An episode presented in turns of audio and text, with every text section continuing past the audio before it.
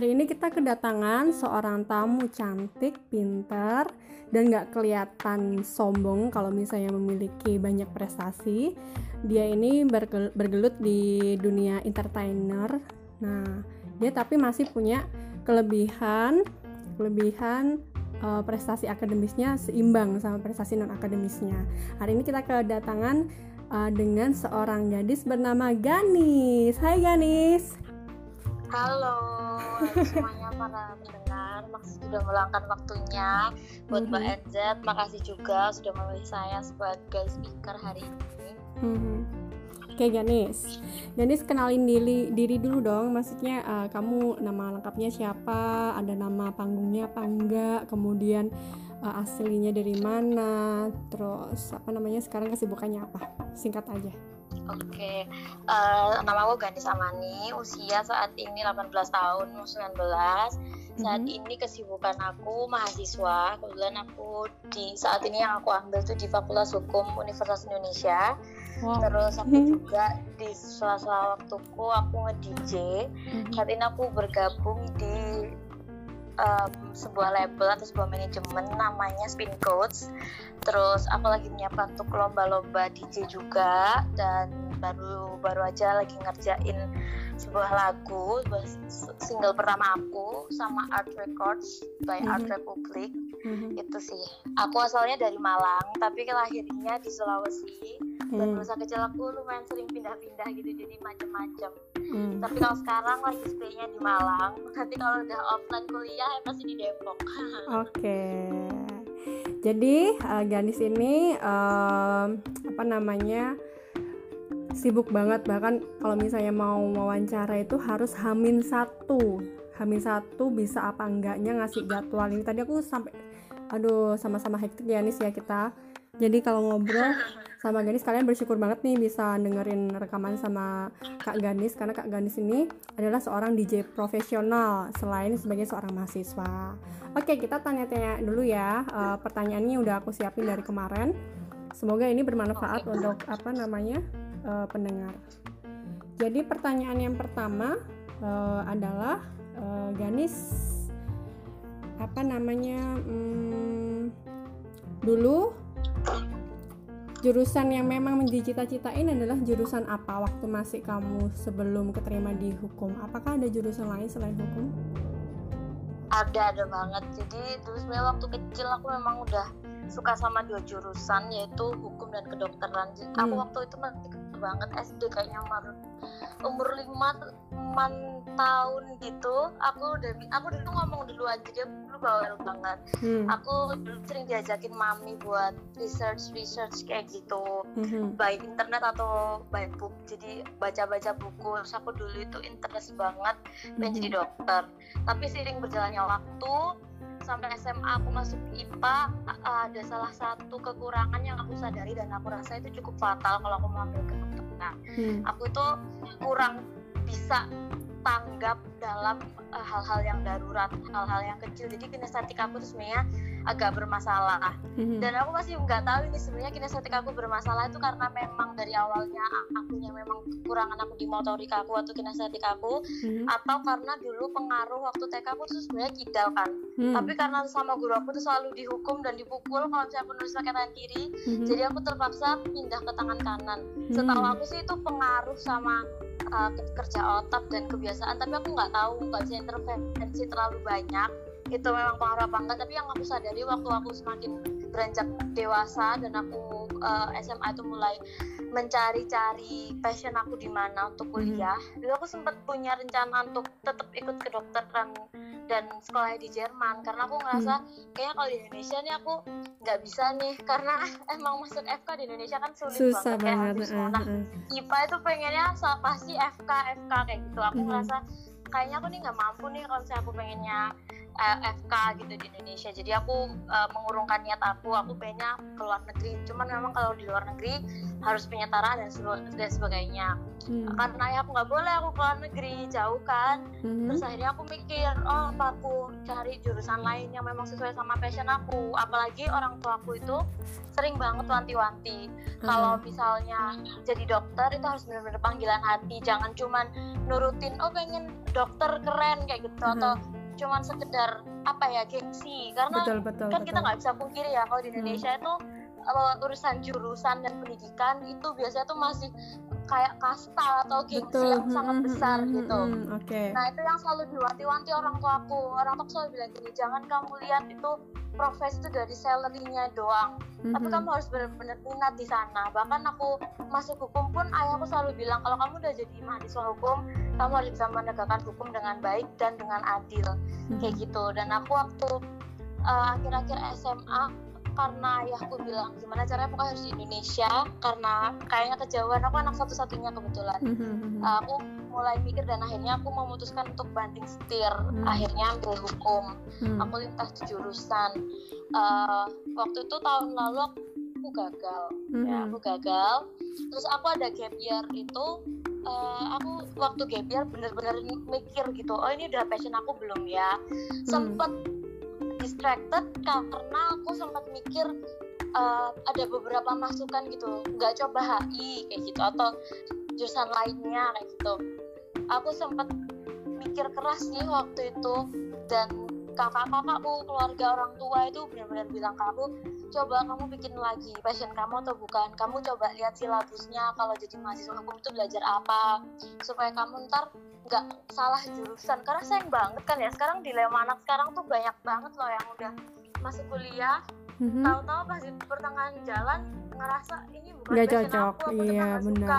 iya tetap nggak suka sama jurusannya terus pindah kayak gitu kan mm-hmm. wasting money wasting time banget tapi akhirnya sekarang aku beneran mantep di FH dan alhamdulillah karena masuk FH itu juga sulit banget kan iya betul betul sulit menurut aku ketetan ketetatannya juga tinggi Oke, okay. iya, oke okay, oke. Okay. Jadi ini uh, ngomongin soal hukum FH, Ganis ini tidak hanya keterima di Universitas Indonesia, tetapi juga diterima di kampus-kampus uh, favorit di luar negeri. Dan kemarin saya lihat ada informasinya, Ganis ini keterima di Newcastle University dan Manchester University. Wow, itu kalau orang dengar itu langsung, oh, kok bisa sih? Gimana ceritanya? Gitu. Nah nanti uh, pasti kita apa uh, akan mendengarkan ceritanya juga kepada Kak Ganis ini tentang bagaimana persiapan untuk menuju ke sana karena pasti jelas lah yang namanya bahasa Inggris harus fasih ya. Nah itu cerita sedikit dong kenapa kok pilihannya jatuh ke uh, dua kampus itu? Uh, jadi ini aku rawat sedikit sebelumnya itu sebelum aku diterima di Inggris aku udah diterima di Belanda mm -hmm. di Den Haag di mm. The Hague University terus abis itu aku dapat email dari IALF untuk ikut webinarnya IALF soal study in Manchester hmm. terus aku sempat ngobrol sama konselornya dan aku hmm. minat waktu itu uh, sebenarnya waktu itu awalnya mikir buat another plan aja gitu karena aku di PTN kan waktu itu masih belum SBM hmm, udah deket sebenarnya udah deket SBM kayak ikut semua aja lah kayak gitu. Tapi aku sebenarnya di Pinsat masih ada keinginan untuk kuliah di luar negeri. Karena memang salah satu keinginan aku cuman memang kendalanya di ya ya aku ini yang belum belum bisa terima kalau aku kejauhan. Hmm. terus akhirnya aku coba apply di Manchester uh, waktu itu sebelum aku dapat announcement dari Manchester aku coba buat ambil plan B-nya itu di Newcastle University di Inggris juga. Mm-hmm. Akhirnya waktu dapat announcement itu ternyata aku dapat di Newcastle, Manchester sama di Leeds University, which wow. is Russell Group University. Jadi. Russell Group University itu kalau misalnya Harvard dan lain-lain itu kan masuk masuknya kan Ivy League gitu kan grupnya. Kalau ini mm-hmm. masuknya Russell Group University. Jadi best university in UK and in the worldwide rank. Cuman sekarang kan jadinya pilihannya makin banyak dan uh, harus semakin teliti gitu dalam dalam memilih. Aku waktu keterima di universitas di UK itu mamaku langsung bayar nih Hmm. langsung bayar karena memang waktu itu nggak ada planning ke UI kan karena waktu itu memang belum apa namanya belum pengumuman dan waktu KKI itu eh, simak KKI itu Mhm. aku udah lumayan udah lumayan um, ngerasa udah lumayan penat gitu sama belajar karena habis aku ambil IELTS Mhm. aku ambil ambil IELTS -nya awalnya buat ke UI terus Hmm. habis itu aku ambil SBM juga terus habis itu ambil mandiri jadi udah kayak overwhelming banget aku Hmm. waktu itu kayak nating tulis nating tulus aja karena mamaku bilang gini meskipun kamu udah selesai udah keterima di UK tetap ikut aja UI-nya jangan langsung di los karena kamu udah daftar jadi harus selesaiin apa yang udah kamu mulai jadi ya Hmm. udah aku nating tulus santai banget ngerjainnya Mhm. Tahu-tahu pas pengumuman dapat. Nah, waktu dapat kan tabrakan nih berarti yang UK udah dibayar, UI-nya tapi keburu dibayar sama ayahku karena udah girang banget ayahku kan. Hmm. Terus akhirnya sekarang eh, pilihannya online class-nya aku berarti dua nih. Dan Hmm. jadi online class-nya aku bareng Mhm. sama-sama September juga maksudnya. Berarti sekarang yang harus aku pikirin adalah eh, jurusan aku. Kalau misalnya apa namanya kalau misalnya universitas kan udah dapat semua nih. Mhm. aku mikirnya jurusan jurusan hukum sama kedokteran setahu aku tuh krusial banget. Jadi kita harus benar-benar pintar buat memilih dan memilah pilihannya. Mhm. karena kalau hukum sama kedokteran itu di luar negeri tuh di Indonesia tuh sama-sama sulit. Kalau misalnya pun kita ambil di luar negeri di Indonesia kita harus penyetaraan Hmm. kayak gitu sih. Mhm. jadi itu yang aku pikirin. Karena gimana gimana kan aku nggak untuk tinggal selamanya ya di luar negeri Mhm, itu aku mhm. masih ada orang tua masih ada keluarga di Indonesia masih ada aset juga di sini. Jadi nggak mungkin aku langsung tinggalin dan aku jadinya ke luar negeri gitu stay terus di sana ya. Mungkin kalau misalnya berkarir satu tahun dua tahun mungkin oke tapi kan pasti masih ada keinginan untuk balik. Jadi itu sih yang jadi pertimbangan aku kenapa akhirnya aku berusaha menerima dan mengerti kalau UI UI pun pilihan terbaik dari yang terbaik. Hmm. UK baik juga, cuman eh, masalahnya kan sekarang tuh kalau aku di UK aku belajar hukumnya Eropa. Jurusannya memang law and politics, tapi kan lawnya itu hukumnya itu hukum Eropa. Hmm. Yang berarti kalau misalnya aku balik Indonesia suatu waktu itu kurang bisa kepake, kalaupun kepake itu kemungkinan kecil dan agak sulit. Tapi kalau misalnya dari UI eh, aku kebetulan yang internasional, jadi aku milih yang bisa exchange juga Mhm. buat dapat pengalaman dan lain-lain kayak gitu sih kurang lebih. Hmm. Jadi kesimpulannya eh, Ganis menjalankan dua kampus atau cuma UI aja nih nanti ke depannya? kalau semester satunya sih dua-duanya tapi aku sih sekarang eh, mantepnya sih ya udah aku lanjutin yang di UI Iya betul betul. Karena kan eh, ini masa pandemi jadi masih online semuanya jadi masih bisa lah ya. Oke oke oke. Iya. Oke ini eh, tadi kan belum kita singgung yang namanya DJ. DJ itu singkatan dari apa sih Nis? Disc joke. disc jockey. Mhm. Terus itu Eh, profesinya? kalau kalau dulu DJ itu kan penyiar radio ya awalnya Mhm. di UK di BBC Mhm. itu awalnya penyiar radio tapi kalau sekarang tuh DJ itu mixing lagu dan mungkin yang orang-orang biasa ngeliat DJ ah, DJ tuh sekedar ngeplay lagu padahal enggak sebagai DJ tuh harus tahu genre dan genre itu banyak banget masih ada sub genre, fusion genre dan lain-lain Mhm. terus mixing lagu juga kita harus bisa membuat setlist atau uh, framing lagu yang nantinya bisa dinikmati crowd tapi tergantung juga crowdnya club DJ, pensi atau apa nih kayak gitu Hmm. terus DJ itu juga ada yang misalnya kalau aku ini lebih ke battle DJ dalam artian Hmm. aku biasanya kalau gigs bukan yang tiap hari atau tiap minggu harus manggung tapi ada cuman aku lebih sering muncul tuh di lomba-lomba biasanya Hmm. kayak sih kayak gitu ya Mhm. terus uh, disc jockey memang kalau di Indonesia stereotype orang itu kan lebih ke dunia malam dan segala uh, impression yang negatif di sana Betul. gitu sih tapi sebenarnya DJ itu so much more than that kalau kata Mhm. guru aku itu Mhm. Om Ahda, Om Dudut, Om Ali sama Om Sunan empat senior and master class teacher yang selalu ngajarin aku dan murid-murid lainnya buat Mhm. skill itu skill itu penting Mhm. tapi attitude itu yang utama Wow. jadi nomor satu sebagai DJ yang harus disiapin itu attitude terus skill tuh kan bisa berjalan ya tapi Mhm. itu sih buat bisa bertahan di dunia entertain yang keras ya yang pertama attitude dan Hmm. gimana dapet linknya kalau aku sih ngeliatnya ke sana Oke oke. Jadi eh, bukan hanya hard skillnya aja yang dipelajari, tapi juga soft skillnya dapat ya Nis ya. Ibarat kalau Iya, ibaratnya kalau hmm, kalau kita les gitu kan belajar materinya, tapi usaha cara belajarnya dan perjuangannya di situ tuh ada kan nilainya. Nah kamu dapatnya di DJ itu bukan hanya belajar materi apa mixing lagunya, tapi juga eh, apa nilai-nilai positif yang diajarkan pada waktu kamu nge-DJ ya. Oke oke oke. Iya. Terus ini eh, mama kamu support banget ya sama nge-DJ. Eh, mama supportnya itu kayak gimana Menduk- mendukung eh, kamu total sep- 100% di dunia ini? jadi sebenarnya aku tuh awalnya berangkat dari main instrumen main piano biola Mhm, eh, drum sama gitar hmm, terus mami aku ngeliat nih aku kan anaknya jarang main keluar maksudnya main nongkrong sama teman-teman gitu jarang. Mhm, terus aku di aku tuh jujur aja di main semua instrumen tuh ada waktu atau masa jenuhnya jadi mamaku selalu bilang aku tuh angin-anginan gitu. Iya. jadi mamaku berusaha mencari. Iya serius mamaku kalau ke mana-mana tuh masih bilang gadis tuh angin-anginan banget? Kayak gitu. Tapi emang iya sih. Oke. Em, jadi di situ mami aku berusaha mencari cara gimana ya biar aku itu Semuanya kepake ilmunya. Iya tetap kepake tetap latihan kayak Mhm. gitu kan. Nah, akhirnya mamaku nyari cara nih. Terus mamaku yang tahu sebenarnya soal DJ itu.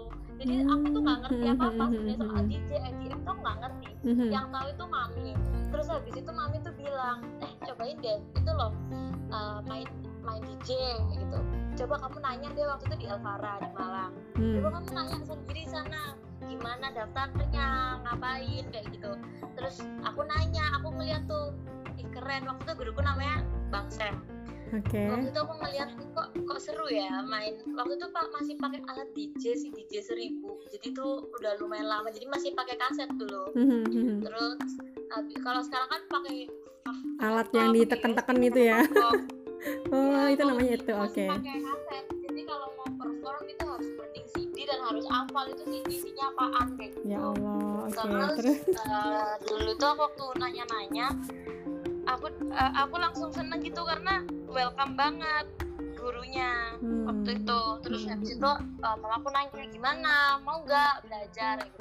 Udah nggak apa-apa tapi harus tetap niat les pianonya. Karena kan biasa kan emang aku tuh kadang suka konsep ada apa gitu yang seru jadi melupakan yang seru Mhm, eh jadi jadi fokus ke yang seru melupakan yang lama kayak gitu nah mhm. itu Jadi piano gitar harus tetap gitu. jalan. Oke. Iya, so, apa namanya? Jadi mamaku bilang kayak gitu. Terus akhirnya mamaku waktu tahu aku selama les, mungkin karena aku memang dari basicnya dari main instrumen ya, jadi Mhm. eh, cepet cepet banget sih waktu itu progresnya cepet sih Itu karena ta- eh, kalau umur berapa itu? Pas belajarnya aku DJ? itu umur umur 12 Tahun? oh iya umur 12 tahun dia masih 12 bulan Maksudnya tah jadi eh, ini belajarnya tahun belajar 2000 aku 2000. lupa sih exact exactnya 2014 kali apa 2015 pokoknya 2015 tuh aku udah main ke mana-mana Hmm. Ma- ke pensi-pensi ya tapi biasanya. Mhm, Jadi mhm. dari SMP sampai SMA aku emang fokusnya ke pensi. Waktu itu mau ke lomba tapi masih masih repot sama sekolah dan dan sibuk itu nggak yang bisa tiap hari ke studio paling seminggu itu nggak nentu sih berapa kali kalau misalnya emang Hmm. bener-bener nggak sibuk ya ke studio kalau lagi sibuk banget ya enggak kayak gitu Hmm. jadi dulu yang tahu soal nge-DJ itu sebenarnya mamaku Mhm. terus uh, mamaku support karena memang ada emang aku cocok di situ ada hasilnya terus Hmm. aku di situ jadinya ikut pensi-pensi gitu kan melatih mental dan Hmm. percaya diri Betul betul. Nah terus akhirnya seiring berjalannya waktu aku sempat vakum juga karena waktu itu manajemen aku yang lama itu bubar Mhm.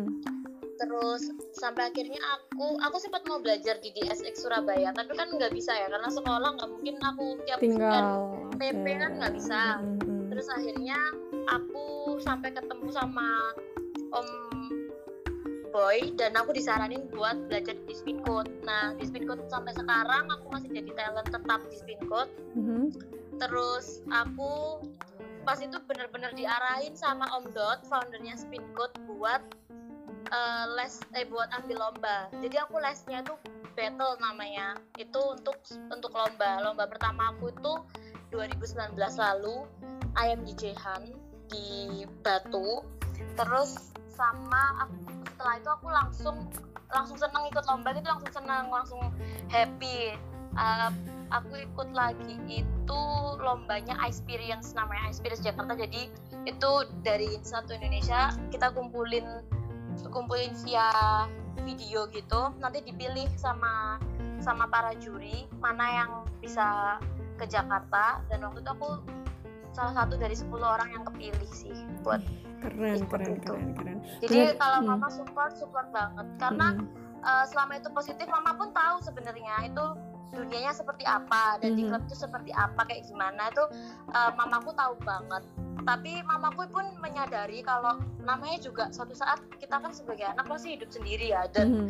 dan di era yang kayak sekarang itu juga nggak melepas nggak terlepas kemungkinan aku juga bakalan tahu dunia seperti itu dan -hmm. mamaku tuh juga mikirnya tuh gimana ya caranya untuk mengenalkan apa namanya mengenalkan dunia kayak gini dan harus hati-hati tuh gimana caranya ngajarin ke aku karena kan kalau misalnya anak kan remaja hmm. dibilangin jangan tuh biasa malah dilakuin kalau misalnya nggak dikasih tahu juga nggak ngerti hmm. jadi uh, dari DJ sih selain aku belajar buat manage waktu diriku sendiri hmm. tahu lingkungannya tuh gimana dan aku sih selama ini jaga kepercayaan mama aja sih karena mama udah percaya banget sama aku keren, keren. kayak misalnya aku luar kota pun aku bilang bisa aku mau dugem hmm. aku mau nonton DJ ini DJ kesukaan aku. Boleh ya? Oh iya nggak apa-apa. Tapi ntar kalau udah pulang sampai apa aku juga bilang aku pergi sama siapa juga aku ngomong. Ya kayak gitu sih kalau aku.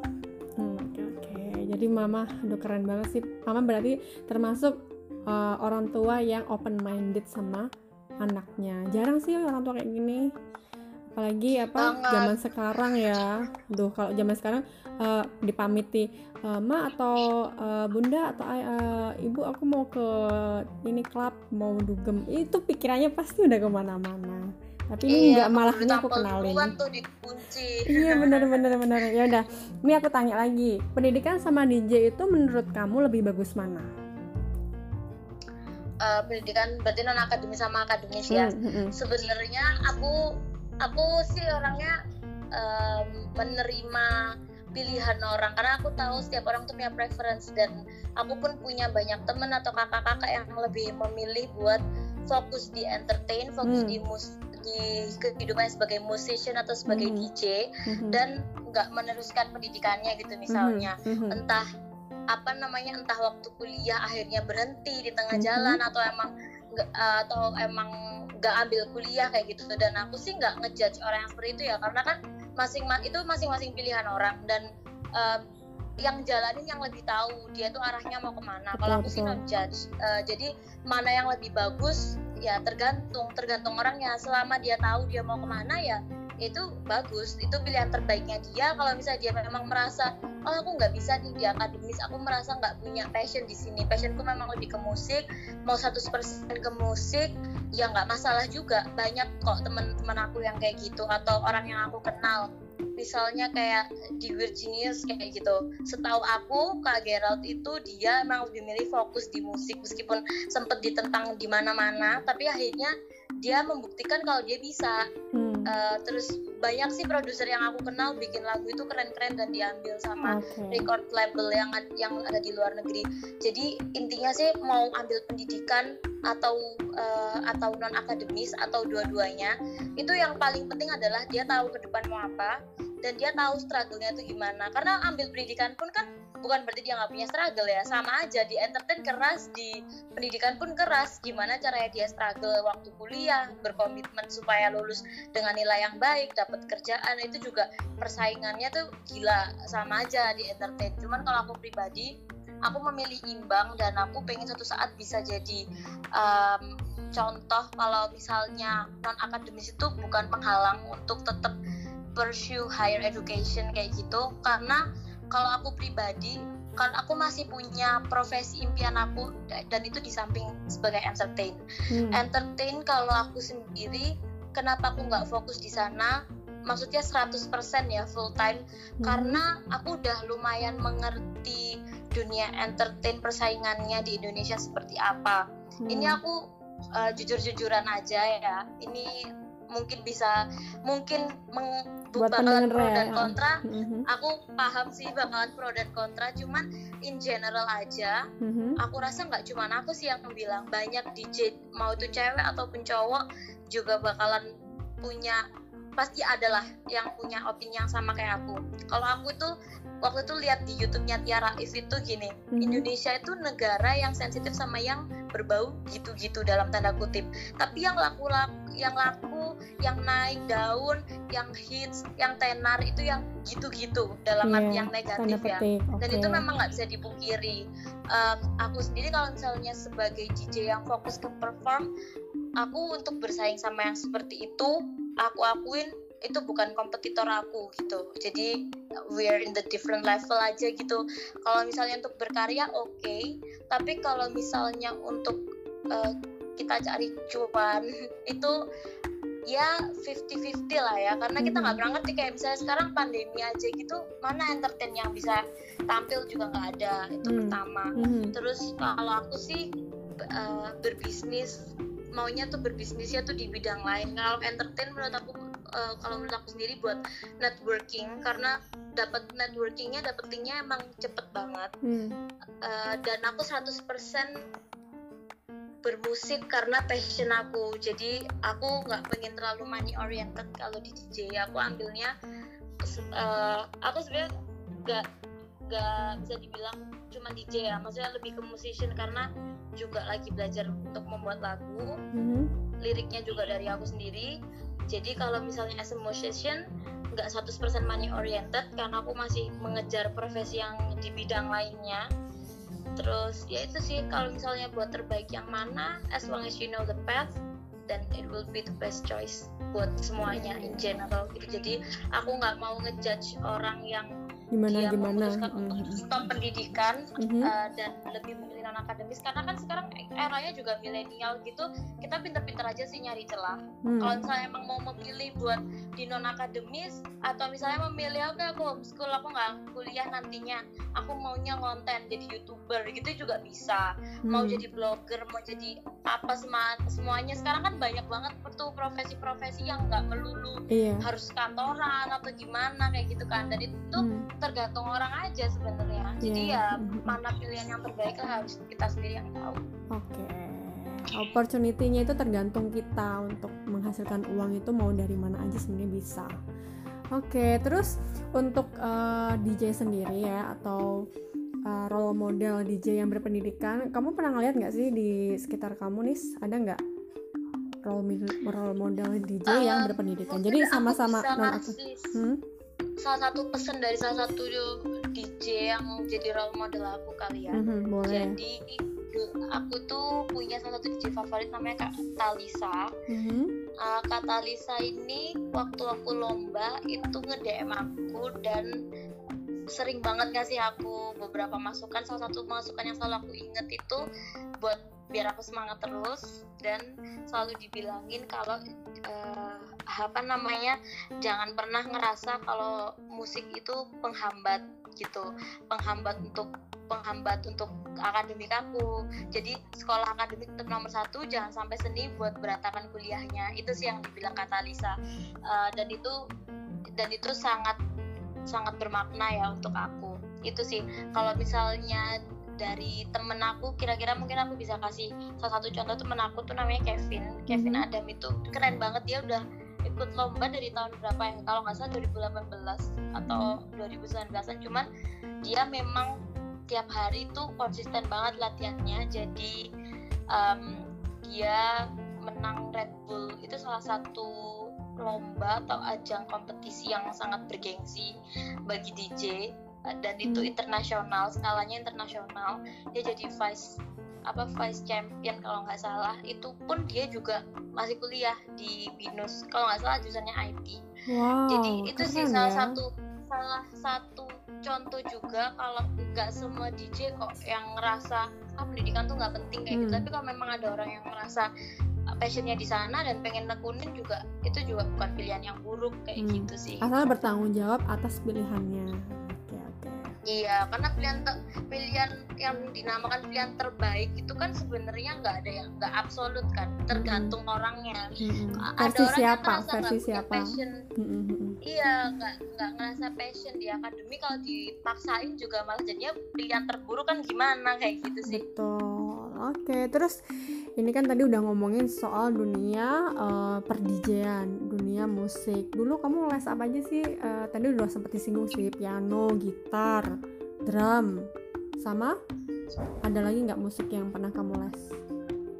Biola ya DJ itu, Biola, terus terus kalau selain di musik sih eh, dulu sempat les bahasa Jerman. oke. Prancis pernah. Terus Hmm. habis itu les pelajaran lah ya normal les pelajaran bimbel-bimbel gitu. Hmm. Terus eh, karena tadi udah eh, tahu juga diterima di kampus-kampus luar negeri, otomatis bahasa Inggrisnya bagus. Skor ILPT kamu itu berapa? Ini pasti ada yang IELTS bertanya-tanya. ya maksudnya A- IELTS Oh iya, IELTS, IELTS. Kalau- IELTS kalau sih IELTS itu kayak 7,5. TOEFL. Mm-mm. IELTS-nya berapa? Oh, eh, kalau di luar negeri sekarang pakainya IELTS setahu aku kalau TOEFL cuma beberapa negara Asia ya aku 7,5 Wow, bagus banget itu. Paling tinggi apanya? Readingnya atau listeningnya atau writingnya? listening sih listening ini emang berarti anak DJ banget ini oke terus nih kenik- kenikmatan bermusik seperti apa yang kamu rasakan saat kamu memainkan musik gitu Oke, kalau kenikmatan aku bermusik, kalau misalnya aku lagi lomba, itu salah Mhm. satu apa poin plus atau yang bikin aku ngerasa satisfying gitu ketika aku bermusik, ketika aku dapat masukan dari juri dan ketika orang bisa relate sama musik aku dalam Hmm. artian aku lebih suka bawain lagu yang biasanya itu nggak terlalu uh, booming nggak saat ini terlalu happening gitu Oke. ya nggak terlalu happening saat ini jadi ya pasti aku bawain lah beberapa lagu yang lagi happening juga Hmm. cuman satu dua aku selipin dan nyari waktunya eh, nyari waktu yang pas tapi Hmm. aku suka kalau misalnya aku taruh lagu yang mungkin nggak happening atau belum didengar orang-orang terus orang-orang jadi nanya eh itu lagunya judulnya apa kayak gitu. Jadi saya suka masukin oke oke. Oke. ya jadi aku su- jadi aku senang sih itu. Terus kalau misalnya battle DJ sendiri kalau lagi lomba menurut aku sangat satisfying dan sangat apa namanya sangat challenging gitu. Kalau misalnya kan kita 15 menit kita harus bisa mainin beberapa genre dan banyak lagu dalam 15 menit itu bisa 20-an lagu bisa 15 lagu tergantung pinter-pinter kita mixing. Itu menurut aku juga satisfying karena uh, itu kan melatih ketangkasan aku dan dan kreativitas aku dalam ngelis bikin setlist gitu. Mhm. tiap panggung menurut aku punya kesan yang berbeda. Jadi uh, sebagai DJ sebagai sebenarnya entertainment apa pun ya. Cuman kalau sebagai DJ memang kita tuh harus bisa siap gitu di saat waktu apa pun kan. Di atas panggung tuh kadang ada keseruan atau mungkin ada kecelakaan yang kita nggak pernah perbayangkan. Entah tiba-tiba yang flash hilang atau tiba-tiba yang alat mati tiba-tiba apa-apa. Jadi menurut aku tiap panggung itu uh, udah kayak sama aja kayak kita ujian kalau misalnya kita nggak bisa atau try out gitu. Hmm. ada yang salah ada yang bisa diperbaiki. Hmm. jadi aku ngerasa sih um, itu jadi salah satu tempat aku belajar yang sangat real dan di sekolah aku yakin itu nggak ada. Terus tanggung jawab Uh, cuman kalau yang jadi kenikmatan aku dalam bermusik adalah aku bisa express my music taste dengan lebih bebas. Itu sih yang bikin aku senang Oke oke, bagus nih bagus. Jadi ini kayak mengebuka matanya Mbak Enset sendiri ya, secara uh, pribadi. Wah ternyata DJ itu ada yang kayak gini nih. Ini langka, ini bagus nih. SDM yang kayak gini, maksudnya orang-orang kayak gini tuh nggak boleh dibiarin dong. Harusnya justru orang-orang yang memegang uh, DJ DJ di Indonesia di semua daerah di Indonesia tuh harusnya kayak gini. Jadi nggak cuma dunia malam yang intinya begitu-begitu tadi itu, yang cu- juga ada edukasinya di situ juga ngasih ilmu maksudnya uh, live uh, live apa namanya pelajaran hidupnya tuh nyampe gitu loh. Ke orang yang misalnya mau datang ke klub. Misal nih aku tanya ke Ganis dulu itu sempat ngobrol Nis misalnya aku berhijab datang ke klub tuh boleh nggak sih? Terus Ganis jawab waktu itu boleh sih mbak nanti uh, satu pang apa di di backstage aja ya gitu. Terus aku mikir memang boleh ya ini? Terus aku oh ini berarti kalau tipikalnya uh, orang-orang yang masuk klub kayak Ganis sih aman-aman aja dan ya udah welcome gitu. Nggak nggak selalu yang datang ke situ orang yang nggak baik gitu ya Nis ya ini menurutku ilmu Benar, baru sih Kalau aku sendiri pernah dikasih tahu sama Om Ali, Om Ali The Beat, hmm. itu kalau dulu itu klub-klub itu memang bener-bener eh, sensasinya dugem dulu sama sekarang tuh beda. Nah kalau Hmm. aku lihat dari senior-senior gitu, biasanya bilangnya saya kalau dulu itu bener-bener bener-bener kit apa namanya DJ yang mengarahkan penonton ini nih lagunya gini dia gitu. Kalau Hmm. sekarang kan kadang DJ kan yang malah yang disuruh sama penonton tuh, eh aku maunya request lagu ini, mainin nggak, mainin nggak kayak gitu. Terus ntar rusuh. Itu oh, tuh iya. udah jadi suatu dilema ya. Misalnya kita sebagai DJ juga kan kita punya attitude-nya yang baik dan Iya, kita uh, benar, pengen juga menyenangkan crowd. Tapi kan Iya. kadang emang namanya orang mau tuh crowd kayak mau tuh DJ kayak kadang kan emang kalau rese ya rese aja gitu. Hmm, Nah itu sih hmm, eh, emang beda. Cuman aku sih pengennya suatu saat ya hmm. dance floor Indonesia tuh ya kayak sensasinya dulu gitu. Oke, jadi datang itu emang pengen menikmati musikalitas yang ada di situ, kualitasnya oh enak banget nih dengerin. Jadi orang yang Benar. awalnya benar. stres datang tuh pulang-pulang wah enak nih jadi kayak stresnya hilang dikit atau es bebas terpuaskan di situ pulang-pulang ya udah gitu kan. Oke oke oke. Benar. Jadi kalau dulu tuh kal- kalau kata Om Aya sama Om Magda misalnya nih si DJ DJ A memang mainnya genrenya apa gitu. Jadi orang tuh bakal nungguin DJ A buat dengerin genre itu. Itu Hmm. keren sih menurut aku. Mm, jarang tapi ya sekarang ya. Oke, ini uh, satu pertanyaan terakhir nih. Habis itu kita ada sesi uh, tanya jawab random. Nanti kamu jawabnya cepat. Nah ini pertanyaan terakhir soal kemampuan uh, finansial tiap orang itu kan beda-beda. Ini kalau kita lihat dari sisi Ganis itu kan les apa aja diambil. Terus uh, kemampuan akhirnya benar-benar terekspor dengan baik. Tapi bagaimana dengan orang-orang di luar sana? Mungkin ada yang mendengarkan pengen nih kayak Kak Ganis cuman aku nggak ada kemampuan ke sana. Kamu bisa ngasih saran nggak? Uh, gimana mereka mentreatment dirinya sendiri supaya kamu masih tetap bisa berprestasi dengan caramu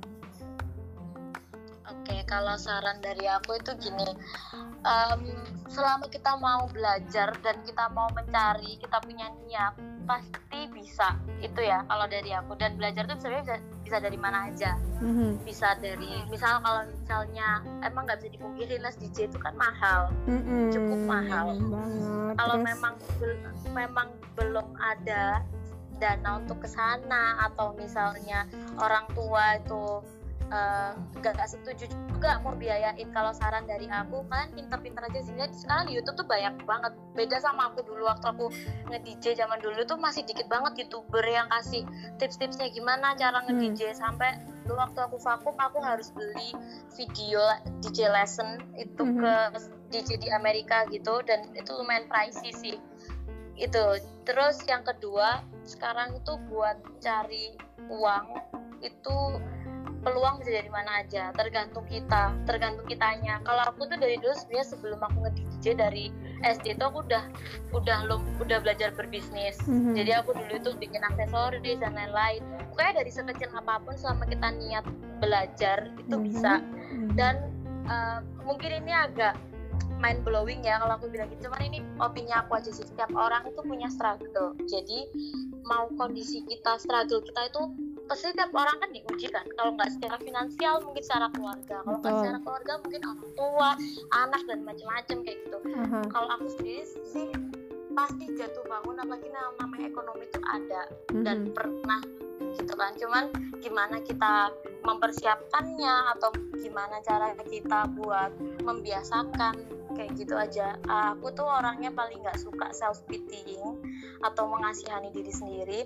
Jadi struggle apa pun yang kita punya entah itu belajar atau apa namanya atau dalam segi ekonomi cukup kalian aja yang tahu uh, pahit manisnya hidup kalian tuh kayak gimana. Karena pasti kita juga dikasih cobaan atau dikasih tantangan itu sama yang di atas sama Tuhan itu nggak mungkin melebihi kemampuan kita. Jadi kalau misalnya kalian ada kekurangan di bagian situ jangan berusaha buat please orang lain untuk uh, untuk dapat empati orang lain misalnya dulu itu aku bukan dulu doang sih sampai sekarang aku itu suka kasih subsidi untuk uh, SPP-nya teman-teman aku yang Mhm. kurang beruntung Hmm.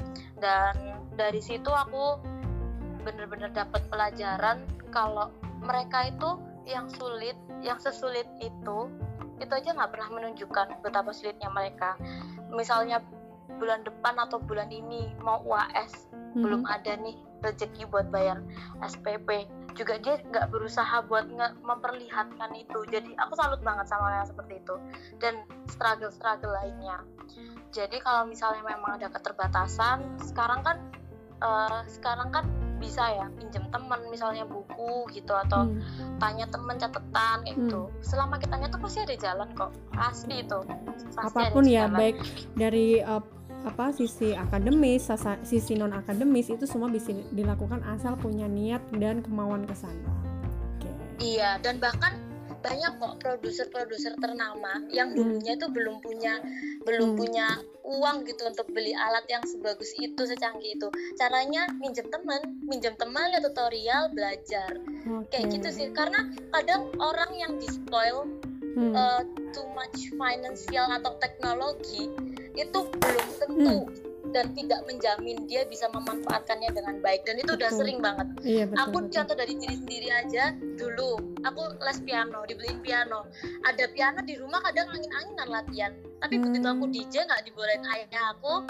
Terus uh, aku juga nggak langsung di los karena mamaku tahu dari pengalaman yang sebelumnya aku jadi berusaha menghargai jadi kalau ke studio ya niat. Selama ada studio aku nih aku selalu niat latihan kayak gitu. Kemarin tempo hari itu sempet ada stranger ya sebenarnya. Hmm. eh, aku kan mau bagiin oh ya buat temen-temen yang SMA atau SMP atau SMA yang eh, dengerin atau punya adik masih SMP aku aku Hmm. punya lumayan banyak buku-buku yang aku pakai. Jadi hit me up kalau misalnya mau bukunya. Bukunya kebanyakan masih bagus-bagus jadi bisa buat belajar. Boleh nih Eh, dipromosiin kemarin terus tuh Hmm. sempet ada yang DM aku kak boleh nggak aku minta bukunya? Nah, eh, soalnya orang tuaku nggak ada ini ini ini. Oh iya.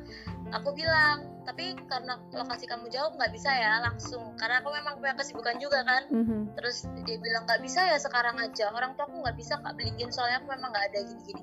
Kayak eh, ya oke I'm, I'm so sorry buat itu. Bukan ini nggak mengurangi rasa empatiku tapi jadinya ngelihatnya tuh ya oke kamu kurang tapi nggak usah kamu maksa ceritain itu berulang kali dan kayak maksa gitu kan. ya. Berulang kali kan kesannya kayak self pitying kayak gitu kan mbak Hmm, jadi hmm. gimana ya yang ngeliat juga kayak jadi gimana jadi gitu. Ilfil kalau aku "Aku- misalnya ada orang kayak gitu tuh iya." juga ih ngapain sih nih anak-anak udah dibilang oh iya tapi tunggu sabar jangan terus-terusan tiap hari tuh kayak gimana ini orang kok maksa banget sih iya iya aku tahu bener rasanya. banget nah Hmm. itu terus habis itu aku soalnya adanya TPS emang nggak Hmm. bisa sekarang aja bentar ya aku saya bisa dipromosin kok bisa lagi kayak gitu ya Proyeknya Oke. udah selesai belum kak? Ini kenapa jadi kayak manajer ya nanyain Lah. proyeknya udah selesai apa belum? Kayak gitu sih. Oke oke. Oke udah itu pertanyaan terakhir. Sekarang kita masuk ke pertanyaan random ya Ganis.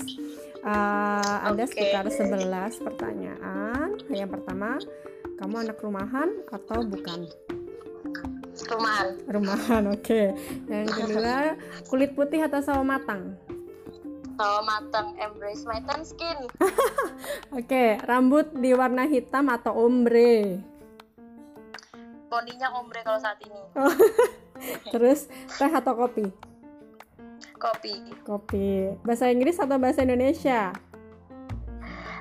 Eh, Tergantung konteksnya Tapi kadang-kadang kalau mau apa mau sedikit terdengar apa sih mbak namanya itu? Kalau misalnya mau sedikit terdengar formal? terharu atau mengungkapkan perasaan bahasa Inggris oh iya oke oke biar bisa Kalau terwakili bahasa ya. Indonesia saya harus banyak belajar sama Mbak Enset ya supaya KBBI dan EGD-nya. Oke. Terus lanjut main piano atau main DJ? Aduh nggak bisa dipilih nih. Bisa dipilih ya wis skip Semuanya semuanya. Oke. tergantung konteksnya. Eh, mencatat atau mendengarkan? Mencatat Mencatat. Gula gula merah atau gula putih? Gula putih, Gula putih. Film horor atau action? horor, Horor. Ternyata gadis gini-gini suka horor ya Allah. Horor. Oke, kuning atau biru? biru, Biru. Berkebun atau bikin kerajinan? berkebun, Berkebun. Nyetir mobil atau motor? mobil mobil karena dia bisanya ke mana-mana pakai mobil nanti barang-barangnya nggak bisa dibawa kalau motoran oke itu ya pertanyaan random sekaligus itu menutup jumpa kita di podcast kita kali ini. Next time nanti semoga nih semoga lima tahun ke depan kita masih keep kontak jadi kita bisa langsung real uh, kamu udah mendapatkan gelarmu sebagai sarjana hukum dari Universitas Indonesia.